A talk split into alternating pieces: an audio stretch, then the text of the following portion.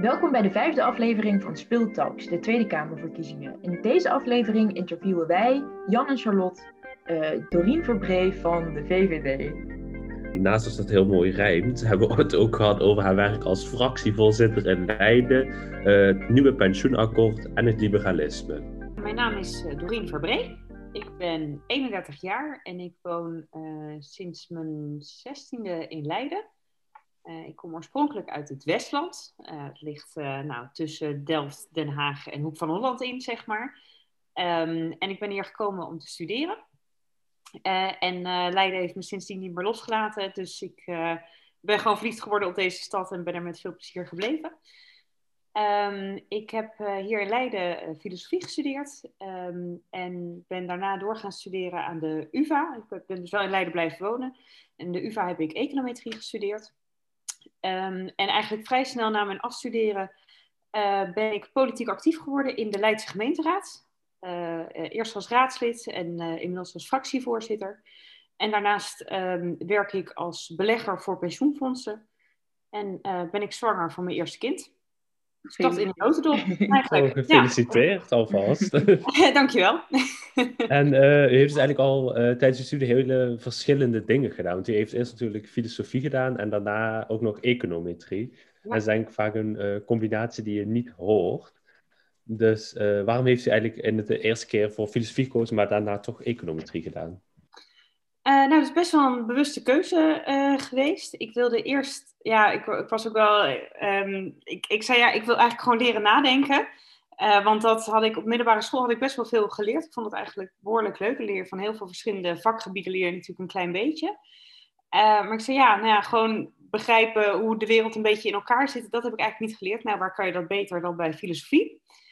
Um, en, en ik dacht dan, maar je moet ook een vak leren. En uh, bij filosofie um, heb ik altijd een soort, ja, dat is heel grof gezegd, maar zo bedoel ik niet een cursus lezen en schrijven, omdat ik vind dat je er echt heel goed leert lezen. Wat staat hier nou echt? In plaats van, nou, ik snap het wel ongeveer. Nee, wat staat hier nou echt?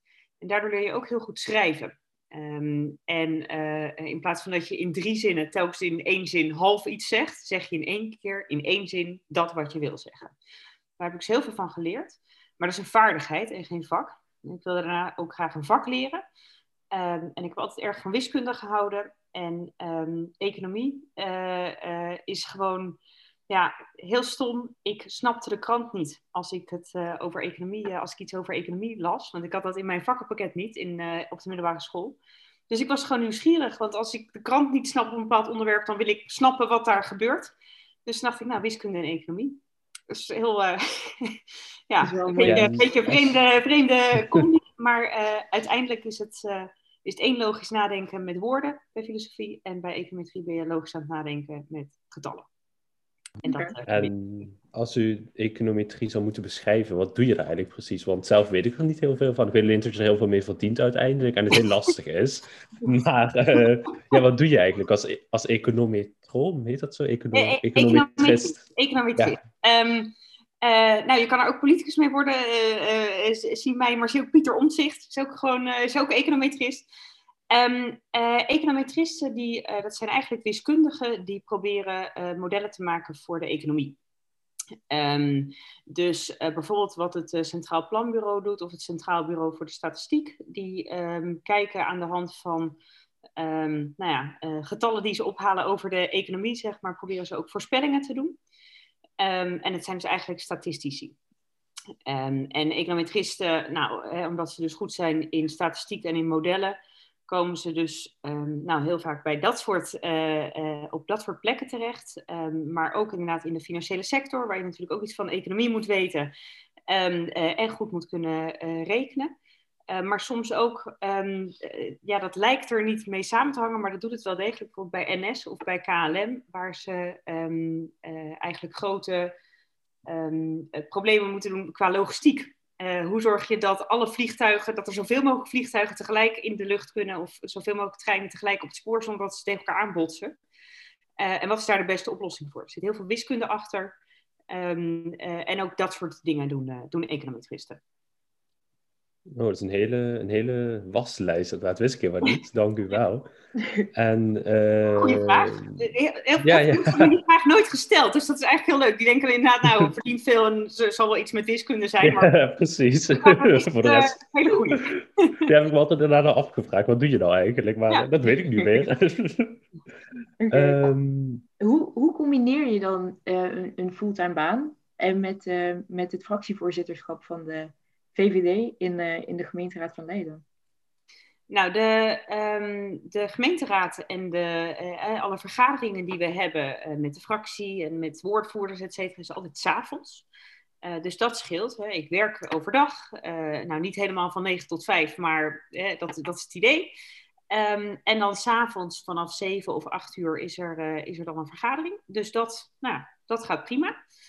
Um, en um, het weekend gebruik je dan om, uh, om je stukken voor te bereiden. Dus dat betekent dat, ja, dat is natuurlijk best wel druk. Hè? Dat doet iets met je, met je privéleven. Um, uh, want ja, normaal uh, kan je s'avonds iets anders gaan doen. maar dat is gewoon als hobby. Het is bij mij ook echt gestart als hobby. Ik vond het gewoon heel erg leuk om te doen. Ja, een ander persoon is s s'avonds aan het voetballen. En ik was dan s s'avonds aan het vergaderen. Dus zo heb ik het eigenlijk altijd gedaan. Ja. Oké, okay. en waarom heb je voor de VVD gekozen? Um, nou, allereerst uh, uh, omdat ik een liberaal ben. Um, en uh, nou ja, dan kom je al heel snel uit richting de VVD. Ik ben eerst lid geworden van de JOVD, voordat ik lid was van de, van de VVD.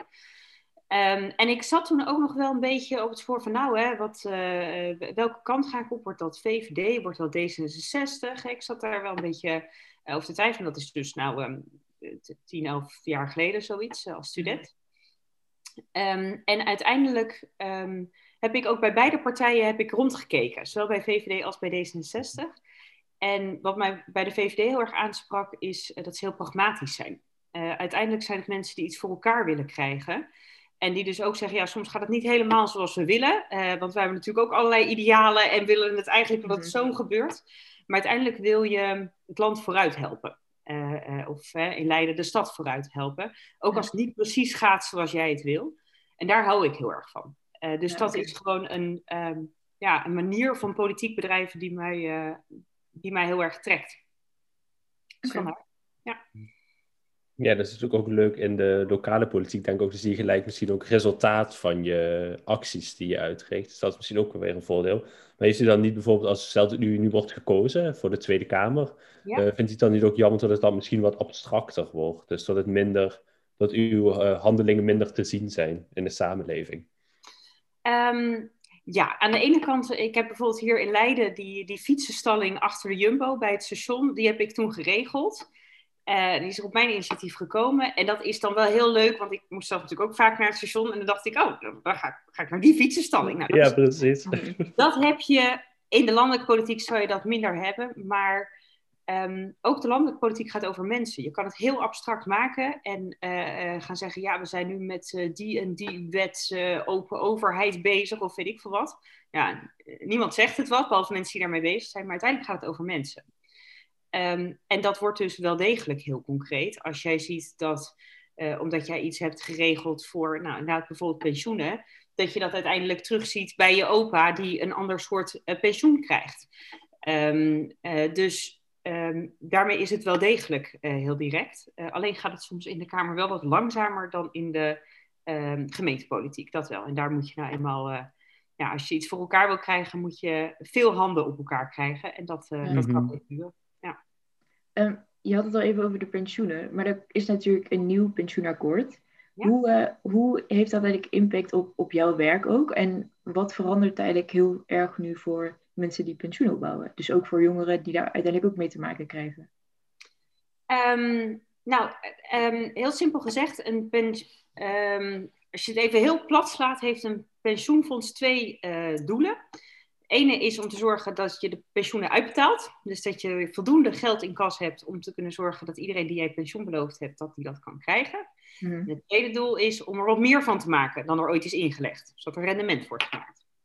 Nou, ik hou me vooral bezig met zorgen dat we voldoende pensioen hebben. En nou, ik denk dat de meeste mensen wel een keer hebben gezien dat de pensioenen best wel onder druk staan. Dat het moeilijk is om te zorgen dat er voldoende geld in kas is. En dat heeft te maken met de rente. Um, en dat is niet zo gek, want iedereen die uh, een pensioenfonds is uiteindelijk gewoon een soort grote spaarpot. Die um, uh, moet zorgen dat er over 40 jaar voldoende pensioen is uh, voor mensen die, die nu aan het werk zijn. Nou, en iedereen die nu een eigen spaarrekening heeft, die ziet dat er echt helemaal niks gebeurt met dat spaargeld. Dat dat over drie jaar nog precies evenveel staat als, er, uh, als je erin had gelegd, omdat ja, de rente erg laag is. Dus het groeit niet aan. Nou, en dat is voor pensioenfondsen heel moeilijk, want normaal gesproken helpt die rente wel een handje mee om het, uh, uh, om het meer te maken. Um, en in het nieuwe pensioencontract wordt die rente veel minder belangrijk. Um, of althans, wordt niet, de rentestand van vandaag wordt niet heel belangrijk voor wat je over 40 jaar in kas moet hebben. En dat maakt dat er gewoon wat meer vrijheid is om nou, eigenlijk het pensioen mee te laten bewegen met wat de economie doet.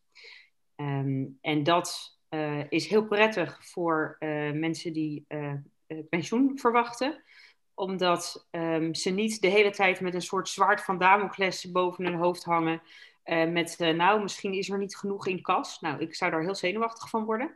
En ik mhm. merk dat ook eigenlijk wel aan soms jonge mensen om me heen die zeggen, nou ja, pensioen heb ik echt helemaal niks mee, maar ik ben wel bang dat er niet genoeg voor mij is. Nou, als dat het enige is wat in je hoofd zit over pensioen, mhm. nou, dan zou ik er ook geen zin meer in hebben. dat je denkt, ja, ik snap er niet zoveel van, weet er niet zoveel van, maar wel dat ik bang ben dat er niet genoeg is. Nou ja, dat is gewoon niet, niet leuk. Um, nee. ja, nee, dat is... Daar word je, word je niet vrolijk van. Nee, maar daar heb je hebt geen zin om daarvoor te gaan werken, zeg maar. Dat je denkt, nou, hè. Nee. Um, uh, dus, uh, en dat gaat veranderen en dat is heel goed en daar ben ik heel blij mee. En voor mijn directe werk betekent dat ik hou me heel veel bezig dus met die spaarpot en met de rente. Dus ik nou, zit eigenlijk elke dag eh, te checken wat de rente doet en wat we daar dus mee, uh, mee gaan veranderen. Um, en we zijn nu aan het kijken hoe we nou eigenlijk veel meer een soort persoonlijke potjes voor mensen kunnen maken. Die op bepaalde leeftijden dus het beste is. Uh, in plaats van één grote pot voor iedereen. Dus veel meer een soort persoonlijke pensioenpot. Dus dat maakt dat, dat mijn werk daarin wel echt wat anders wordt. En daar, uh, okay. ja, dus het wordt spannend, ja. ja. En lijkt het u dan ook leuk, zeg maar, stel dat u wordt gekozen voor de Tweede Kamer om u zich op bijvoorbeeld financiën te specialiseren? Of zou u misschien totaal iets anders willen doen? Bijvoorbeeld onderwijs of uh, sport, weet ik veel. Nou, ik, ik, ik heb zelf echt uh, dus wel veel met, met economie en met uh, overheidsfinanciën en met pensioen. Dus ik zou het hartstikke leuk vinden om daar iets mee te doen. Um, maar uiteindelijk is, ik zei net, politiek gaat over mensen. Dat is uiteindelijk wat ik het allerleukst vind.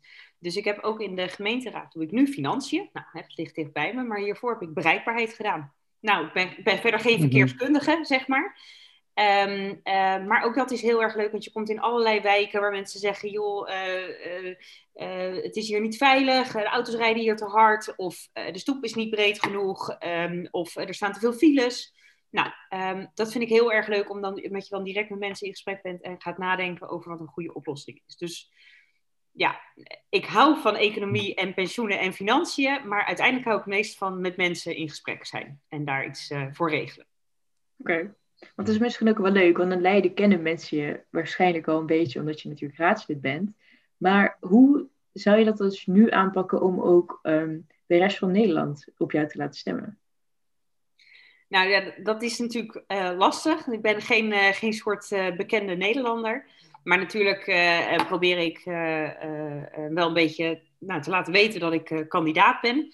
Uh, dus ik ben uh, nu een speelpodcast uh, aan het opnemen. Dus ik denk dat heel goed begin. Duizenden mensen ja. in horen. Daar ja, dat, zou, dat zou heel mooi zijn. dus ja, dat, dat, is, dat is mijn grote troef eigenlijk, de speelpodcast. Nee, en um, natuurlijk via social media, want ja, het gewone campagne voeren is nu natuurlijk een beetje lastig door corona. Dus het is vooral veel online.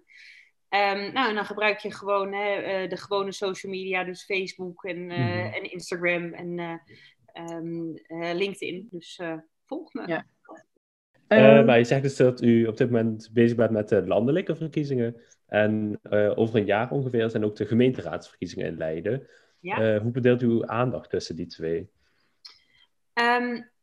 Nou, uh, eerlijk gezegd, uh, uh, ik ben nu gewoon de fractievoorzitter van de VVD in Leiden. En ik ben altijd van mening dat als je ergens voor gekozen bent en als je een verantwoordelijkheid op je hebt genomen dat je die netjes moet doen. Dus ik kan nu wel heel leuk zeggen, oh ja, ik ben ook kandidaat voor de Kamer, dus ja, dat hele gemeenteraad, dat kan me niks meer schelen. Nee, mhm. ik ben daarvoor gekozen, dus zolang ik daar zit, zet ik me daar 100% voor in. Ehm, dus mijn meeste focus ligt eerlijk gezegd gewoon bij de gemeenteraad. En ehm, niet alleen omdat ik me daar verantwoordelijk voor voel, maar ik denk ook dat we wel in een groot genoeg crisis zitten om te mogen verwachten dat politici niet bezig zijn met, met alleen naar flyers in iemands hand duwen, maar gewoon aan het werk zijn. Ehm, want ja. ja. we kunnen het wel gebruiken dat we met z'n allen er het beste van maken en proberen slimme oplossingen te bedenken. Um, dus dat het meeste. Um, naast dus inderdaad wel uh, campagne voeren, maar ik ben gewoon aan het werk in de gemeenteraad. Oké. Um, je, want je bent in principe redelijk jong. Dus je zit al een aantal jaren in de raad. Hoe heb je dat ervaren om, om dus als redelijk jongere gewoon te beginnen in de politiek? En ja, hoe, hoe denk je dat dat verder gaat? Um, ja, ik was uh, 24 toen ik, uh, zeg dat goed? Ja, ik was 24 toen ik de gemeenteraad inkwam. Ik was dus echt, ik was net afgestudeerd, net aan het werk. en ik moet zeggen, ik vond, ik vond het vreselijk spannend. Ik vond het heel spannend. Um, want, nou, sowieso voor het eerst een baan starten vond ik echt wel, poeh, dat is toch ja, is toch even heel anders dan het studentenleven. Naast het hele ritme dat anders wordt, ook opeens verantwoordelijkheden hebben. En uh, 80.000 e-mailtjes die binnenkomen, et cetera. Nou, dan heb je dus ook die raad erbij. En dat is ook, ja... En natuurlijk doe je wel cursussen en dergelijke bij de VVD, maar je kan er toch niet heel goed echt op voorbereid raken. Dat is geen vak op mhm. school, zeg maar. Okay. Um, dus ik vond dat heel spannend, maar ook wel heel bijzonder. Um, omdat je inderdaad ook nou, leeftijdsgenoten kan, uh, uh, kan vertegenwoordigen. Um, uh, maar ook mensen die. Um, en ik, ik zat dus tussen allemaal filosofen en econometristen. En dat zijn over het algemeen niet mensen die politiek actief zijn. Behalve Pieter Omtzigt dus. Um, maar dat, die, die hebben daar helemaal niet zoveel mee. En ook juist om hun stem te kunnen laten horen en te vertellen waar zij mee bezig zijn, vond ik heel belangrijk. destijds hadden we ook een crisis. En Um, nou, de econometristen kwamen wel aan het werk, maar de filosofen uh, hadden daar echt heel veel moeite mee. Want die, ja, hè, er waren weinig banen. Nou ja, en dan is, staat er niet als eerste in de krant uh, vacature filosoof gezocht. Mm-hmm. Uh, dus die hadden het best wel zwaar. Um, en dus ik was heel blij dat ik, dat ik die mensen kon vertegenwoordigen. Maar ik vond het doodeng. Ja, ik ben er hopelijk een beetje in gegroeid. maar nee, ik vond het heel spannend. Ik vond het heel spannend en heel leuk. En uh, hoe bent u met al die stress omgegaan? Gewoon, het gewoon doen? Of uh, heeft u echt, uh, weet ik veel wat, iets anders gedaan? Ja, gewoon doen. Dat is uiteindelijk, dat kan ik iedereen aanraden. Um, zeker als je, als je jong bent en denkt, nou misschien kan ik dit wel niet of, of wat dan ook. Um, dat is niet gek, want iedereen moet dingen leren. En iedereen maakt dus ook fouten. Uh, en, en pakt soms iets gek aan of weet ik veel wat, maar daar leer je van. Um, en als je het niet doet, zal je het ook nooit leren. Um, en als je gewoon hard werkt en um, uh, uh, je hersens gebruikt, dan kom je echt een heel eind. dus dat heb ik ook gedaan. En ik heb veel hulp gevraagd. Hè. We hadden destijds. en dan kom je in een fractie en daar zitten dan mensen die, die meer ervaring hebben. Dus ik heb ze gewoon de oren van de kop gevraagd. Dat ze wel eens uh, gek van me werden van nou, hoe zit dit? En hoe zou je dat dan aanpakken? En waarom dan zo? En waarom niet zus? En, uh, uh, en daar leer je dan heel veel van. En uiteindelijk ontwikkelde je dus zelf een beetje een intuïtie voor van nou, wat is nou wel en niet handig. Um, en destijds leerde ik ook, nou, wat nu mijn man is, kennen. Um, dus die heeft mij nooit anders gekend dan bezig met, met die politiek. En dan, dan zei ik op een gegeven moment, ja, ik kan dit gewoon helemaal niet. Nee, ja, ik denk niet dat ik hiervoor geschikt ben. Uh, en dan was ik dus, uh, nou, was ik denk ik een jaar bezig of zo. Nou, ik weet niet of ik dit kan. Mm-hmm. En die zei, joh, je bent gek. Het gaat hartstikke goed. En uh, twijfel niet aan jezelf. Het is ook fijn als er iemand naast je staat die zegt, joh, het komt wel goed. als je even er zelf niet in gelooft. En ik denk dat hij uh, uiteindelijk wel gelijk heeft gehad dat het, uh, dat het uiteindelijk goed is gekomen. ja, dat geloof ik ook. Ja. dus de goede vragen stellen en doorzettingsvermogen zijn, uh, zijn de grootste drijvers van succes. Ja, ja, ja. En welke dingen zijn dan, als je terugkijkt op je politieke carrière of misschien gewoon je leven, uh, de dingen waar je echt het meest trots op bent, die je hebt kunnen bereiken? Um, nou, ik, ik, vertelde net over die fietsenstalling uh, achter de Jumbo. Uh, dat was, um, hè, er is nu de, de Lorens staat er nu naast het station. Is dat hoge uh, gebouw aan de voorkant van het station. Daar was eerst niks. Dat heette ook het gat van Van der Putten. Daar had ooit een gebouw gestaan, maar dat was toen weggegaan. Daar stond niks en er stonden allemaal fietsen. Daar konden dus nou, fietsen staan voor mensen die, naar het station, die van het station gebruik maakten. Hm. maar die Lorens werd daar gebouwd, dus al die fietsenstallingen gingen daar weg. En nou is er natuurlijk altijd een tekort aan fietsparkeerplekken bij het station. Um, en het was al vrij krap toen, maar toen werden al die stallingen weggehaald. Ja, en toen werd het helemaal krap. Um, en echt dat mensen dus tien minuten aan het zoeken waren voor een plekje. Um, uh, en ook echt uh, verderop in de stad uh, hun fiets moesten parkeren. Nou ja, daar zit je sowieso al niet echt op te wachten, maar zeker niet als je een trein moet halen. Mm. dan word je daar echt een beetje ongelukkig van. En toen nou, had ik daar natuurlijk gezegd van nou, hè, dat lijkt me toch niet de bedoeling. En um, toen, dan is het ook een beetje dat op een gegeven moment dan, dan wordt in je eigen partij gezegd: ja, maar wij houden ons vooral bezig met auto's, Doreen. Dus VVD, wij houden ons bezig met auto's. Toen zei ik, nou, hey, kom. Uh, uh, nou, zo werkt het toch niet? Ik zei, we houden ons toch bezig met problemen waar mensen tegenaan lopen. En wij vinden bereikbaarheid belangrijk. Niet alleen per auto, maar mm -hmm. bereikbaarheid. En als, ja, dit gaat over station en fiets. Um, maar dan wil je toch ook dat het goed geregeld is. Nou, hm, hm, hm. Uh, en uiteindelijk lieten ze zich daar gelukkig wel door overtuigen. Van ja, dit vinden wij ook belangrijk. Nou, gelukkig. Maar toen, het was onze eigen wethouder. Die zei, ja, maar wacht even. We gaan die Lorens bouwen en daar komt een grote fietsenstalling onder. Nou, hij is nu net, uh, net geopend, zeg maar. Dus daar zit nu een grote fietsenstalling. Dus die zei, die fietsenparkeerplekken komen terug. En ik zei, ja, maar die Lorens is er pas over een paar jaar. Waar moeten mensen dan ondertussen uh, parkeren?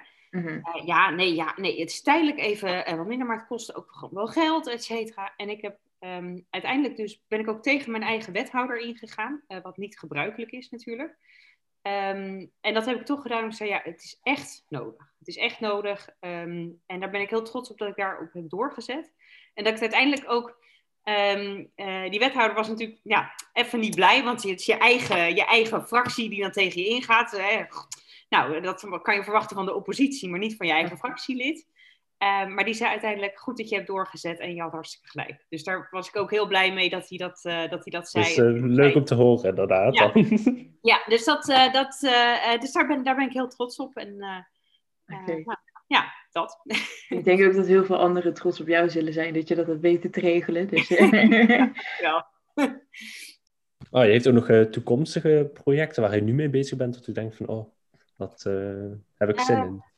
Nou, uh, nu in de gemeenteraad doe ik dus financiën. en daarbij vind ik het vooral belangrijk dat we echt kijken of we... Um, we, we, hebben namelijk niet heel veel geld als gemeente. Um, en we hebben behoorlijk hoge belastingen. Dus we, we zijn al... Hè, we, we, we, vragen al best wel veel van mensen. Nou, dan wil je echt zeker weten dat dat belastinggeld goed wordt uitgegeven. Dus waar ik dan heel erg naar kijk is Um, bijvoorbeeld uh, op duurzaamheid. Ik vind duurzaamheid ook belangrijk. Ik ben zelf best wel uh, uh, daar ook mee bezig. Um, ik vind dat gewoon belangrijk. Ehm, maar ik wil dat als er geld aan wordt uitgegeven, dat dat ook nou, goed wordt uitgegeven. Dus niet gewoon als een soort reclamecampagne, kijk ons eens groen en, en goed doen. Mm. maar dat het ook daadwerkelijk helpt. Um, dus uh, uh, toen was er op een gegeven moment, uh, ik weet niet of jullie daarvan gehoord hebben, het was het idee dat er een, een ijshal gebouwd zou worden in, in Leiden.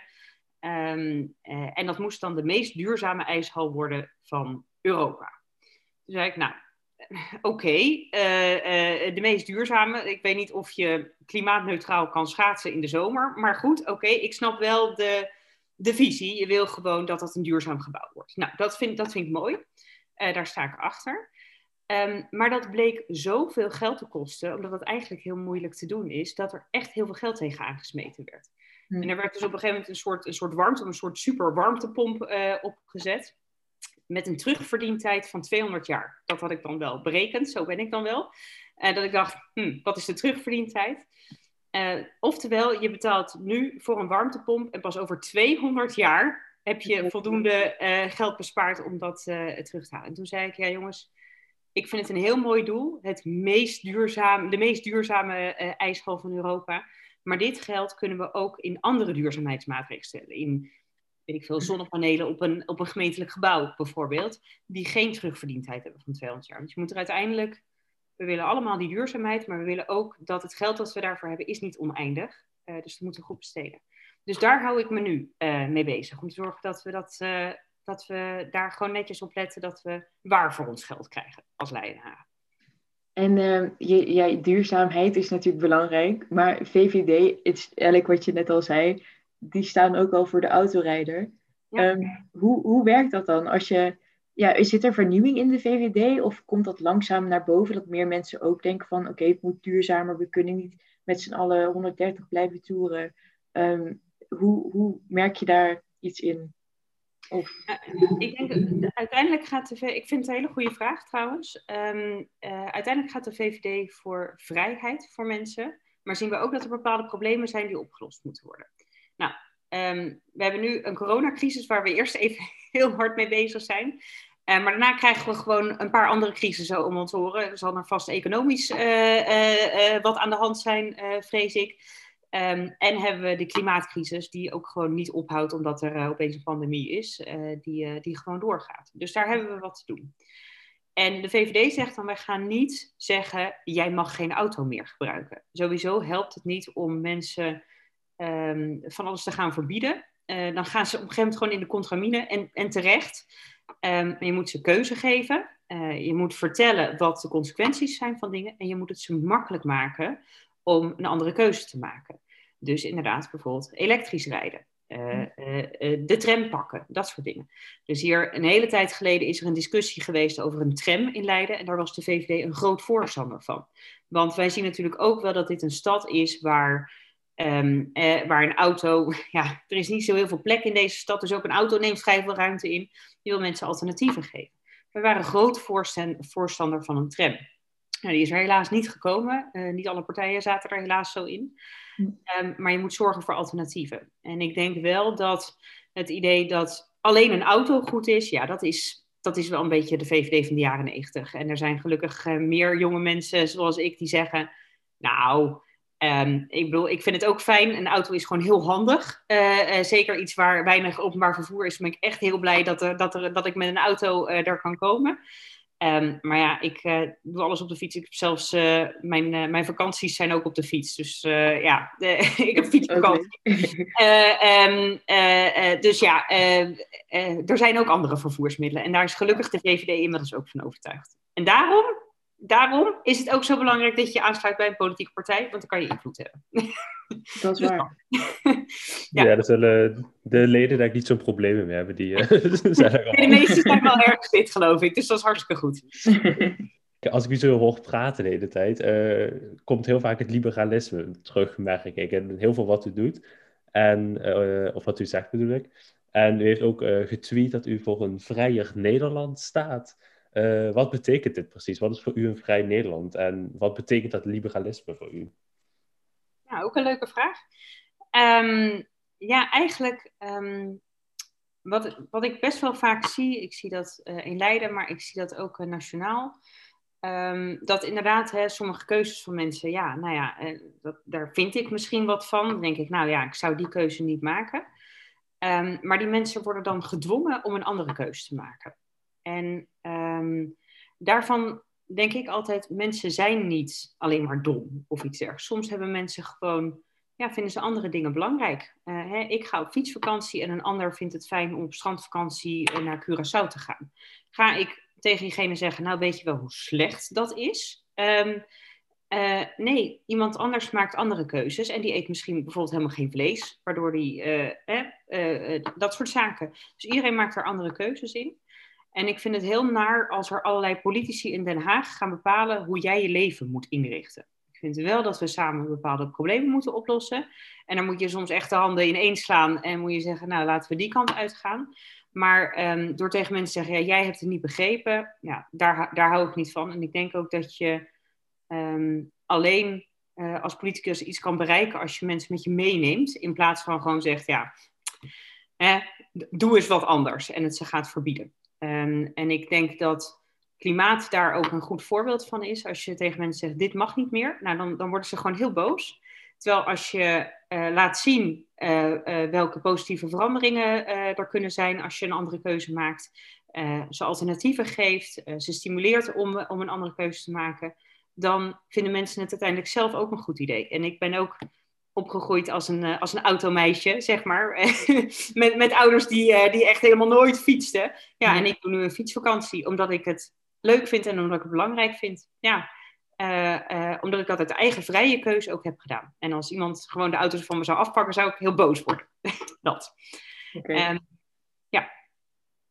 Ja, dus heeft eh, dat liberalisme betekent dat dan ook dat je voor de LGBTQ um, ehm, community in principe, uh, dus het kiezen van je eigen gender en zo. Ja, ja. ja bijvoorbeeld. Uh, ik vind echt hoe liberalisme is voor mij als je een ander er geen schade mee toedoet, mm. dan heb ik gewoon helemaal niets te zeggen over hoe jij je leven indeelt. Dus als jij uh, bent geboren als man en zegt, ja, daar voel ik me eigenlijk niet prettig bij.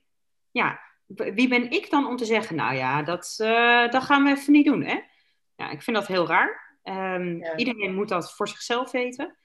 Um, en ik vind ook dat een overheid neutraal moet zijn daarin. Dus dat je inderdaad dan kan zeggen, nou, hè, dan, dan gaat in uw paspoort staan hoe u zich voelt, zeg maar. Hè? Uh, en wij gaan niet zeggen, nou, uh, je bent als man geboren, dus uh, ja, ken niet anders. Ja. Um, dus een overheid moet daar ook neutraal in zijn. En ik vind gewoon dat andere mensen er geen klap mee te maken hebben wat voor seksuele geaardheid je hebt, wat voor gender jij je comfortabel bij voelt, wat voor geloof je hebt. dat is echt aan iedereen zelf en daar moet de rest zich helemaal niet tegen aan bemoeien. Lijkt me heel um, hoe kijk je dan aan tegen een soort van het concept democratie? En bijvoorbeeld de uit, uitsluiten van partijen in verkiezingen. Dus de, de PVV is in principe de tweede grootste partij in Nederland, maar ze zitten niet in de coalitie.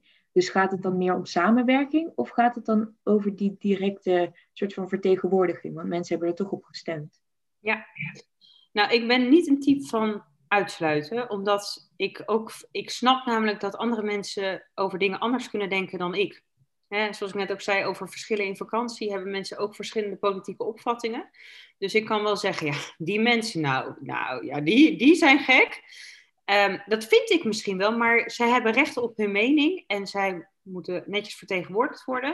Um, en als ik iets voor elkaar krijg, moet ik een meerderheid krijgen en moet ik dus ook met die mensen iets voor elkaar kunnen krijgen. Dus zo sta ik er in eerste instantie in. Mm -hmm. Ik heb wel bepaalde grenzen. Um, en uh, nou, er is nu net uh, uh, bekend geworden, nou ja, het, het, is al, het rommelt al een tijdje bij, bij Forum voor Democratie. Ik ken een paar forumers die, nou, die zijn uiteindelijk ook richting dat jaar 21 gegaan, zeg maar, die daar helemaal niks mee hebben. Nou, dat prima, die hebben iets andere politieke opvattingen dan ik, maar dat, zijn, dat is prima. Maar zodra jij nazistisch, racistisch, dat soort gedachtegoed zou brengen, dan denk ik, ja, dat gaat voor mij gewoon een soort rode lijn over. Daar, daar kan ik niks meer mee. Daar, en daar wil ik ook niks meer mee. Okay. Um, en voor de PVV geldt, um, nou daar heb ik minder principieel, ja, die minder Marokkanen uh, uitspraak. Ik heb met Wilders heb ik wat dat betreft, uh, heb ik niet zoveel. Mm -hmm. Maar de, de mensen die op zijn partij stemmen, nou prima.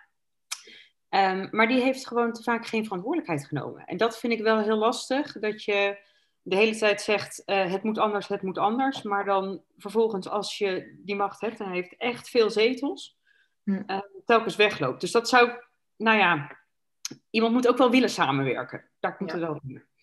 Ja. Even kijken, welke punten uit het verkiezingsprogramma van de VVD, um, ehm, welke punten daar, daar ga je ook zelf echt voor als je verkozen wordt? Um, nou, wat ik wel een hele belangrijke vind, is um, uh, wat er gebeurt op het gebied van nou, werknemer en werkgeverschap. Uh, ik zie dat eigenlijk gewoon bij heel veel mensen van mijn leeftijd en mensen die, uh, die net afgestudeerd zijn, dat ze allemaal in um, tijdelijke contracten zitten. en dan heb je dat als het slechter gaat met een bedrijf, dat je ook de eerste bent die eruit ligt. Mm. Want een bedrijf kan heel moeilijk mensen ontslaan. Dus ja, als er nu eenmaal echt minder werken is en zij moeten dus mensen laten gaan, ja, dan laat je dus de mensen gaan met een tijdelijk contract. En dan zie je dus soms dat mensen met een vast contract die eigenlijk niet zo goed meer functioneren, um, wel kunnen blijven. En de mensen met een tijdelijk contract, die hartstikke goed functioneren, die moeten weg. Je ziet ook dat zo'n werkgever dat helemaal niet fijn vindt, want die wil natuurlijk ook ja, eigenlijk de mensen behouden die, die, eh, die, die, uh, die goed functioneren. Mhm. Ehm, maar er zit zo'n enorme kloof tussen vast contract en tijdelijk contract, dat, dat, ja, dat zo'n werkgever eigenlijk helemaal vast zit. Uh, dat vind ik echt een heel groot probleem. En ik zie ook dat daardoor nou, heel veel mensen van mijn leeftijd heel laat, als je geen vast contract hebt, dan krijg je geen hypotheek. Um, uh, als je geen hypotheek hebt, geen huis, dan, dan begin je ook later met inderdaad een keer aan kinderen denken en een vast leven opbouwen. Dus het heeft heel veel consequenties. En ik ben heel blij dat in het verkiezingsprogramma daar dus echt aandacht voor is. Um, dat vast en tijdelijk zeg maar meer naar elkaar toegebracht wordt. Ik denk dat dat echt heel belangrijk is voor, um, nou ja, voor alle groepen werknemers en ook voor werkgevers. Oké. En als u dan zeg maar met met de werkgever uh, en werknemerrelatie. Is dat dan ook een van de verkiezingspunten waar u het trotst op bent uh, van de VVD? Of heeft u ook nog andere punten waarvan u denkt, oh, dit is echt een speerpunt voor mij? Um, uh, nou, ja, speerpunt. Um, nou, iets waar ik ook wel heel trots op ben, is over hoe de VVD zit in woningbouw. al jarenlang dat de VVD zegt, ja, er moet gewoon echt bijgebouwd worden. Uh, en je kan gaan schuiven met huizen, et cetera, maar er moet gewoon bijgebouwd worden. En dat zag je natuurlijk op een gegeven moment. Hè, we, zijn, we zijn hem al bijna vergeten, maar voor de coronacrisis had je een stikstofcrisis. En toen heeft de VVD dus inderdaad gezegd: de bouw moet doorgaan. Ja, en dan gaat onze, ons geliefde paradepaardje van 130 km per uur, ja, die gaat eraan. Nou ja, dat is, um, uh, uh, laten we wel wezen, dat, dat is leuk voor een aantal VVD'ers, maar het is niet het belangrijkste uh, wat er is. Want de bouw moet doorgaan, er zijn gewoon te weinig huizen. En daar heeft iedereen last van, maar vooral de mensen die nu geen huis hebben. Um, uh, die uh, dus langer bij hun ouders moeten blijven wonen, die in een krappe studentenkamer zitten, die in een starterswoning zitten die te klein is omdat er een gezin is. ouderen die kleiner willen gaan wonen of gelijkvloers willen gaan wonen en nergens heen kunnen. Um, die zitten echt allemaal vast omdat er te weinig woningen zijn. En dat de VVD gewoon al jarenlang zegt, er moet gewoon bijgebouwd worden. En dat zeggen ze op landelijk niveau, op provinciaal niveau, op lokaal niveau. Um, en daar ben ik heel, uh, heel trots op. Ja. Want dat gaat nog niet altijd zonder slag of stoot. Er zijn altijd mensen die zeggen, ja, maar ik, ik wil geen flat voor mijn neus. ja, dat klopt. Maar dat ook u net vragen inderdaad. Hoe regelt u dat dan bijvoorbeeld lokaal in Leiden? Want daar staat u ook voor betere studentenhuisvesting. Dus u bent u van plan dit te re uh, realiseren? Want natuurlijk heel veel mensen zijn altijd tegen flats inderdaad. En zeggen, oh, we willen onze uh, binnenstad niet aan, ja. uh, niet kapot maken. Dus hoe gaat u dit lokaal doen? Nou kijk, ik ben ook niet van plan om een flat midden op het Rapenburg te zetten. Ik denk dat je wel een beetje moet kijken van nou, hè, waar, waar staat dat netjes? Maar we hebben ook nog heel veel gebied buiten het Rapenburg. Um, en uh, dan denk ik, ja, dan zullen we de hoogte in moeten. Want er is gewoon beperkte ruimte in Leiden. En zelfs als je al het groen en al het openbaar ruimte uh, vol zou bouwen, dan heb je nog niet voldoende. Dus je moet de hoogte in. Uh, en ook zelf, ik, ik woon zelf ook hoog. Ik had een prachtig uitzicht. En ehm, ja, daar is ook een flat nou echt zo ongeveer zo tegen mijn neus aangebouwd. Mm. Um, vind ik dat leuk? Nee, natuurlijk vind ik dat niet leuk. Want ik heb heel erg genoten van dat uitzicht. En dat is er nu niet meer. Um, maar uiteindelijk zullen we wel moeten zorgen dat voldoende mensen in Leiden een woning kunnen vinden. Uh, en de enige manier waarop dat kan is de hoogte in. We kunnen mensen moeilijk onder de grond stoppen. Uh, uh, en we hebben gewoon te weinig ruimte, dus we moeten de hoogte in. En ehm, ik weet dat dat heel vervelend is, maar laten we wel wezen, wonen is wel een vrij essentieel onderdeel van mensen hun bestaan. En uitzicht is dat net iets minder. Dus dan kies ik voor wonen. Misschien als laatste dan ergens ook weer. Um, heeft u nog tips of advies voor toekomstige politici of jongeren die, uh, die ambities hebben om, uh, om hun politieke dromen waar te maken? Um, nou, twijfel dus niet te veel aan jezelf. Hè. Ik, ik deed dat uh, soms eigenlijk wel te veel en dat is echt niet nodig. Um, maar misschien nog wel belangrijker dat je bent wie je bent. Er zijn namelijk al genoeg mensen in de politiek die op elkaar lijken. Uh, die, uh, uh, dat je denkt, nou ik kan ze bijna niet, niet onderscheiden, het ene poppetje voor het andere poppetje. Ik zelf was ook helemaal geen typische politicus met mijn achtergrond. Ehm, en mensen zaten dus een beetje, ja, nou ja, wat, wat kom jij dan toevoegen? Ehm, maar juist omdat je dus misschien wat anders bent, of andere interesses hebt, of andere kennis hebt, kan je iets toevoegen. Het gaat er uiteindelijk om dat je. Het allerbelangrijkste van een politicus is niet dat hij goed kan praten, maar dat hij goed kan luisteren. Dus als je goede oren hebt uh, en bereid bent om goed te luisteren naar mensen, dan kom je een heel eind. Um, en uh, laat je daar dus niet uh, van afschrikken door allemaal mensen met een grote mond die zeggen: ja, maar je moet beter debatteren. En, uh, en goed luisteren is veel belangrijker. Nou, dank u wel voor het advies. Charlotte, hebben we nog vragen? Volgens mij niet. Hè? We hebben alles nee. gehad. Nou, dank u wel voor het komen dan. Heel fijn dat u tijd heeft weten te maken. En succes met de verkiezingen alvast. Nou, dank jullie wel.